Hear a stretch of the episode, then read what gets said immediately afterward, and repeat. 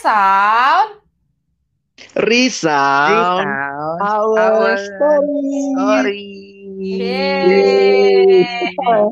Setelah berbulan-bulan Udah purnama lama. ya guys, akhirnya kita kembali Iya, ketemu muncul lagi. di dalam perpodcastan ini. Iya. Ya, tanpa berlama-lama kita akan membahas mengenai hiruk pikuknya dunia. Asik, hiruk pikuknya dunia. Tapi ini lebih Iya. spesifiknya dunia dalam pekerjaan ya. Hmm. Eh, sebelum gue melempar kepada teman-teman gue yang dua orang yang akan menjawab pertanyaan ini lebih dalam, gue akan memberikan latar belakang. Gue akan Biasanya lu yang punya masalah, Nov. iya.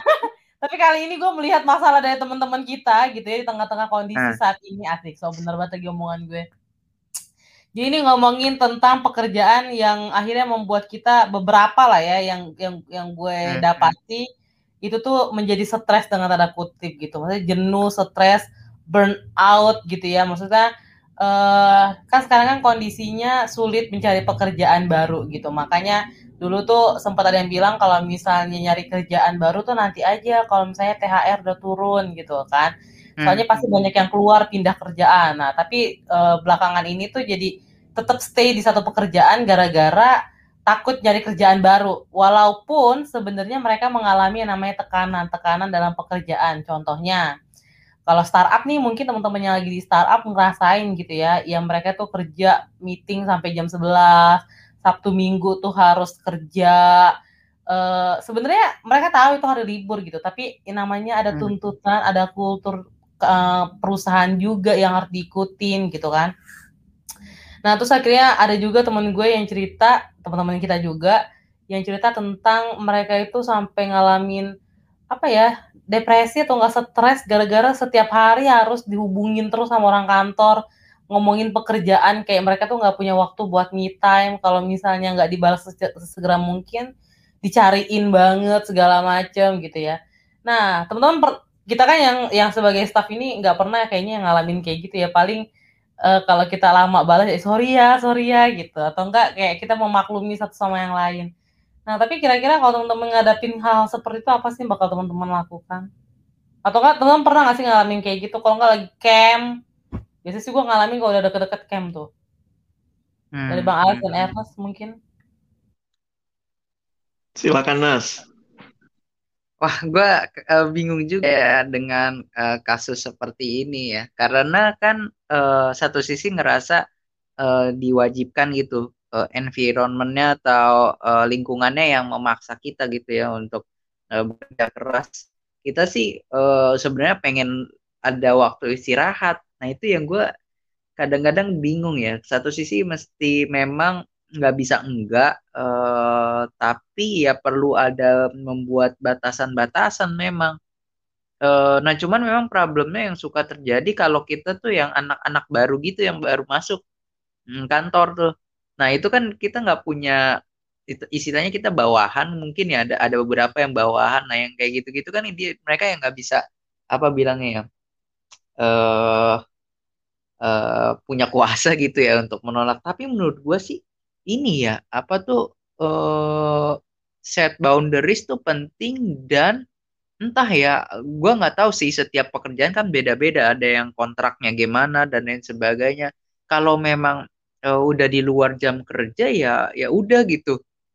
Nggak nggak nggak usah kayak gitu atau gimana ya gue juga rada bingung ya. Karena ada ada ada, begini juga gue nemu juga sih Kak, kasusnya di eh, adik gue eh, yang terjadi.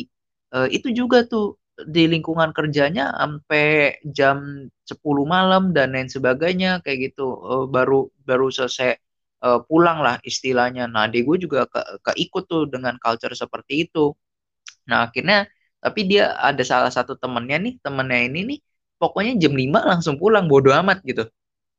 Terserah yang lain nggak mau pulang ya bukan urusan gua kayak gitu. Pokoknya jam 5 gue digaji cuma sampai jam 5 ya udah lewat itu pulang. Nah itu sih kayak gitu ya. Bisa nggak ya em, eh, melakukan hal-hal yang seperti itu tuh? Nah, nah itu yang gua nggak tahu sih. Kan setiap kekerjaan kontrakannya eh, kontraknya beda-beda ya. Apakah udah tertulis di di kontraknya eh, rela untuk em, over hour kayak gitu nah itu yang gua nggak eh, kurang tahu deh tuh Gak tahu tuh gimana tuh Bang Alex ya. Kayak satu sisi kayak terpaksa gitu loh. karena karena lingkungan yang memaksa gitu. Nah, mungkin kalau aku kalau menjawab hal kayak gini nih, ini namanya hidup tuh ada tension ya. Selalu ada tension. Nah, sebenarnya tension itulah yang membuat kita juga bisa bergerak maju sebenarnya. Jadi kalau statis, benar-benar balance, seimbang tuh itu kondisi yang nggak pernah tercapai secara ideal. Dalam arti kita selalu ada dalam tension sih, kita ada dalam uh, ketegangan yang di situlah kita dituntut untuk berhikmat, punya balance gitu. Nah, ini yang aku lihat sih sebenarnya uh, sama lah kayak kita bahas ya, misalnya studi dan pelayanan harus seimbang. Apa sih yang kita maksud seimbang?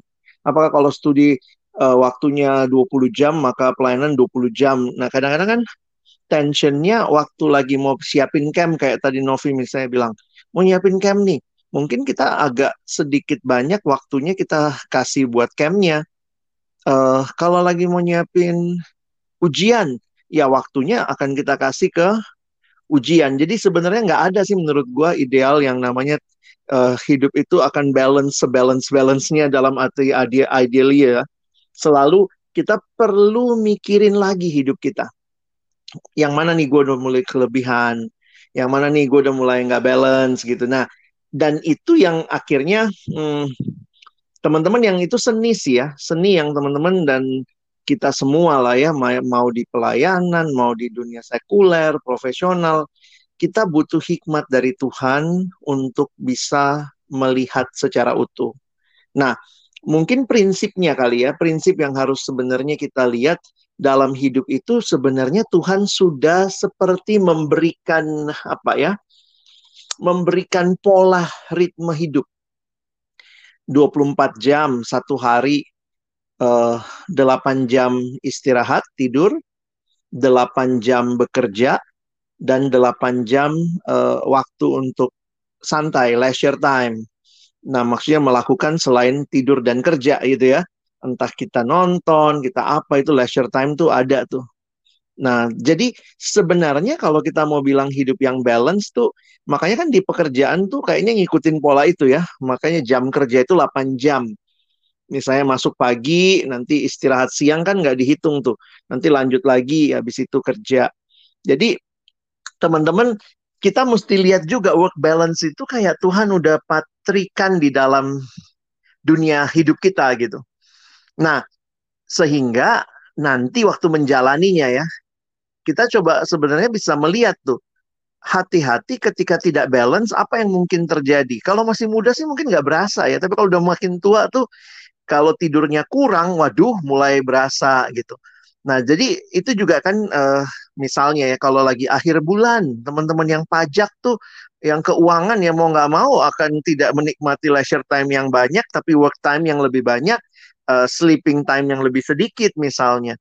Nah, tapi kalau itu di, dijadiin terus-menerus, aku pikir kalau udah mengganggu keseimbangan mental, emosi jiwa, dan segala macam, walaupun untuk atas nama supaya gue bisa hidup, gue butuh kerjaan ini, kita mesti uh, mesti bisa berhikmat untuk lanjutin kerjaan ini atau enggak. Daripada kita dapat duit dari pekerjaan terus duitnya buat buat berobat buat ke psikolog ke psikiater gitu.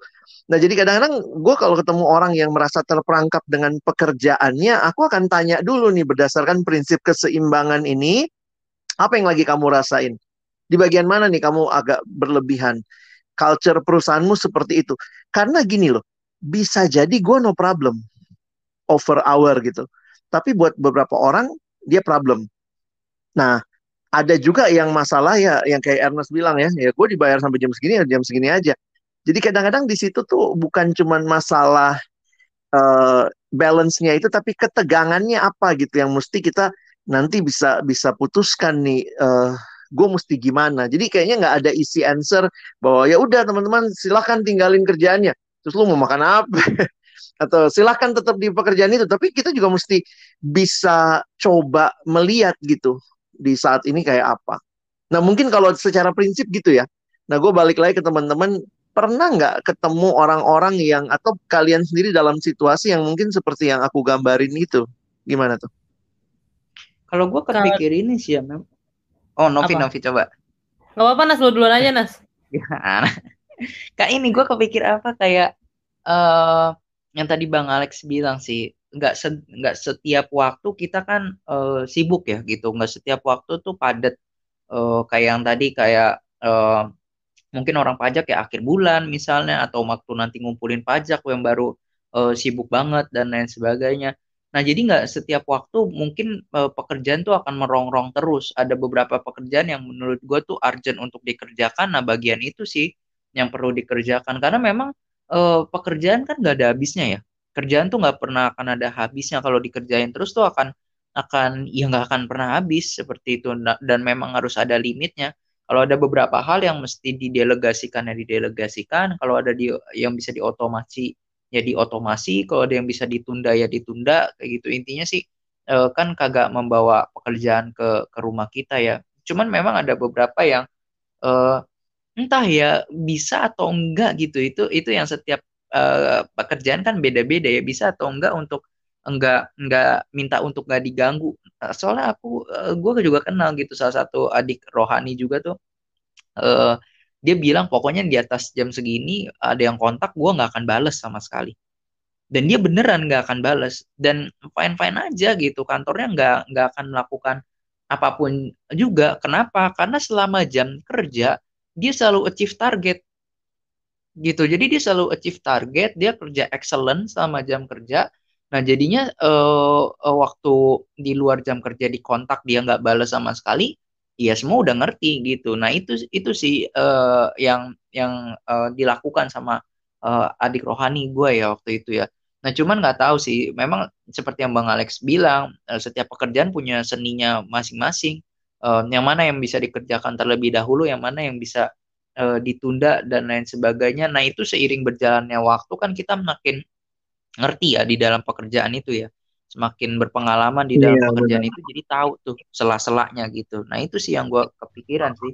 Mirip kayak ini kali Nas, kalau aku kebayang ya misalnya. Ada juga Hmm. pekerjaan yang harus siap diganggu kapan saja, kayak dokter misalnya. Iya, Kalau tahu-tahu lu heeh. mau melahirkan, misalnya dokter kandungan ya, kadang-kadang kita pikir, wah gue nggak mau diganggu jam segini ya. Berarti kalau kita nggak mau diganggu jam tertentu, cari pekerjaan yang memang akan menolong kita nggak diganggu. Tapi ada pekerjaan yang Iya sih. Ya atas dasar kemanusiaan itu nggak ada jam istirahatnya on call ya, misalnya gitu. Hmm, hmm, hmm.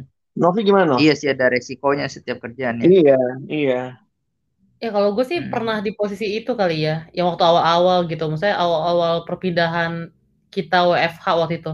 Nah, tapi akhirnya gue ngelihat kayak yang dibilang Bang Alex tadi sih, keseimbangan itu hal yang paling penting. Karena kalau misalnya kayak mungkin seminggu, dua minggu tuh kita masih bisa tahan ya. Tapi kalau misalnya kayak berbulan-bulan dan pagi dan waktunya nggak selesai sih menurut gue juga kasihan ke diri sih maksudnya.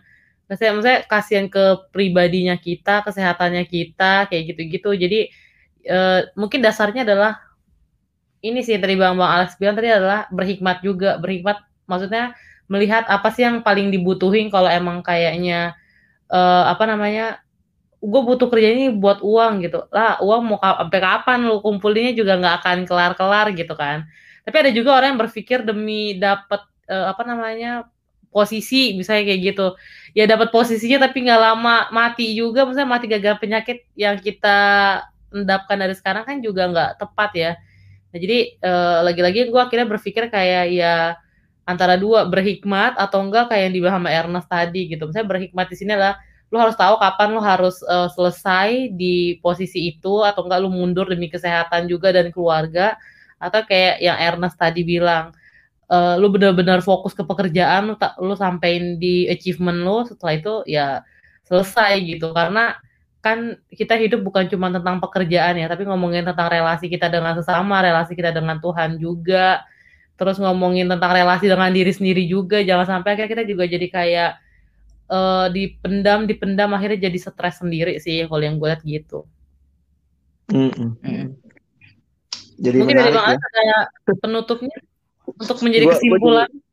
Gue jadi, jadi ngelihatnya gini ya uh, apa namanya hidup ya lu mesti mesti inget gitu lu diciptakan kayak apa didesain kayak apa relasi-relasi yang lu mesti bangun sehingga mungkin kalau orang sekarang bilang ada apa ya hustle work gitu ya budaya untuk kerja segala-galanya itu kayak mengkhianati tujuan hidup menurut gue ya. Kayak hidup itu cuma hmm. about work gitu. Ya hmm, nggak nggak begitu. Nah termasuk misalnya ngelihat ada orang hidup buat makan makan kerja kerjanya. Bisa ada yang hidup untuk apa ngejim doang gitu ada yang hidup untuk dandan hmm. doang gitu. Kayaknya sedih banget gitu padahal hidup yang kayak Novi bilang tadi ya ada aspek aspek relasi dengan Tuhan relasi dengan sesama diri sendiri. Nah itu yang kadang-kadang mungkin jangan sampai kita dibentuk sama budaya tapi sebenarnya kita yang harusnya juga bisa mencoba membentuk budaya sih. Itu itu yang gue lagi hmm. pikir untuk greater ininya ya achievementnya sih. Karena menurut dari gue, gue itu Iya, maksudnya menanggapi omongan Bang Alex tadi, hmm. sebenarnya kan budaya itu yang sudah ada, tapi jangan salah, kita juga bisa menciptakan budaya itu sendiri gitu maksudnya. Iya, iya. Ketika budaya, ma ya kenapa bang? Enggak, makanya gue gue jadi ingat ini Nov. Ada orang-orang tuh yang akhirnya daripada dia kerja di di bawah sistem gitu, dia jadi wirausaha, dia ciptain usaha hmm. hmm. dan dia memanusiakan yeah, yeah. memanusiakan orang-orang yang yang kerja sama gue nanti mesti gue manusiain bang. Oh gitu, wow hebat juga gue bilang ya. Iya. Iya, iya betul betul. Iya sih, gue ya. jadi mikirnya itu sih. Apakah soalnya iya kantor HD gue tuh kayak gitu. Bosnya tuh bener-bener kerja sampai jam 12 malam kayak gitu. Nah itu itu yang salah satu hal yang pernah gue tanyakan adalah apakah bener-bener pekerjaan itu nggak bisa ditinggal kayak gitu. Gitu. Apakah searjen itu sehingga harus dikerjakan kayak gitu atau bagaimana? Nah itu yang yang yang e, membingungkan sih. Walaupun seperti yang Bang Alex bilang ya, ada pekerjaan-pekerjaan tuh yang butuh yang memang nggak bisa ditinggal kayak kemanusiaan kayak kayak polisi kayak gitu ataupun juga TNI ataupun juga eh, dokter dan lain sebagainya tapi eh, benar-benar sih kita mesti tahu resiko ya resiko pekerjaannya apakah benar-benar nggak bisa ditinggal kalau memang memang nggak cocok dengan itu sih menurut gue ya yakin aja sih untuk untuk cari pekerjaan lain kayak gitu di masa era uh, satu sisi ya digital ini meskipun masa masa pandemi ya uh, kita bisa sih me me menciptakan lapangan uh, pekerjaan sendiri. Itu kan yang selalu digaung-gaungkan kan. Memang nyatanya bisa kayak gitu. Walaupun nggak jalannya nggak nggak nggak mudah kayak gitu jalannya mm -hmm. nah itu sih yang uh, terjadi entah jualan lah entah uh, PO lah buka pre-order makanan inilah atau makanan itulah kayak gitu dan lain sebagainya itu itu itu uh, kesempatan juga gitu untuk untuk akhirnya bekerja dan juga mendapatkan penghasilan sih seperti itu. Iya, jadi berharap sih ya obrolan kita yang juga sebenarnya kita dengar dari teman-teman ya yang kerja hmm. gitu bisa bisa nolong untuk kita pertama ya punya konsep yang benar dan akhirnya juga ngelihat gitu bahwa uh, Tuhan tuh ciptain kita dengan desain tertentu sehingga mari kita boleh hidupi itu dengan baik sehingga tidak menjadikan kerja segala-galanya walaupun ya kita pasti butuh kerja dan melalui kerjaan hmm. itu juga Tuhan sebenarnya lagi mencukupkan kebutuhan kita melalui pekerjaan Tuhan mem membangun apa skill-skill yang dia titipkan sama kita dan ini jadi hal yang menarik sih. Oke. Jadi mungkin segitu dulu untuk episode kali ini, singkat, padat, dan harapannya sih teman-teman bisa refleksi dan boleh sama-sama juga share. Kalau ada pertanyaan, ada masukan, boleh kontak kita di IG kita, Nas. Apa IG kita? Di friendzone.id. Wis masih ingat, hebat. Iya, gue rada-rada lupa friendzone.id dan juga uh, kita masih ada di Spotify. Oke. Okay. Terima okay. kasih teman-teman. Sampai ketemu. Bye. Bye.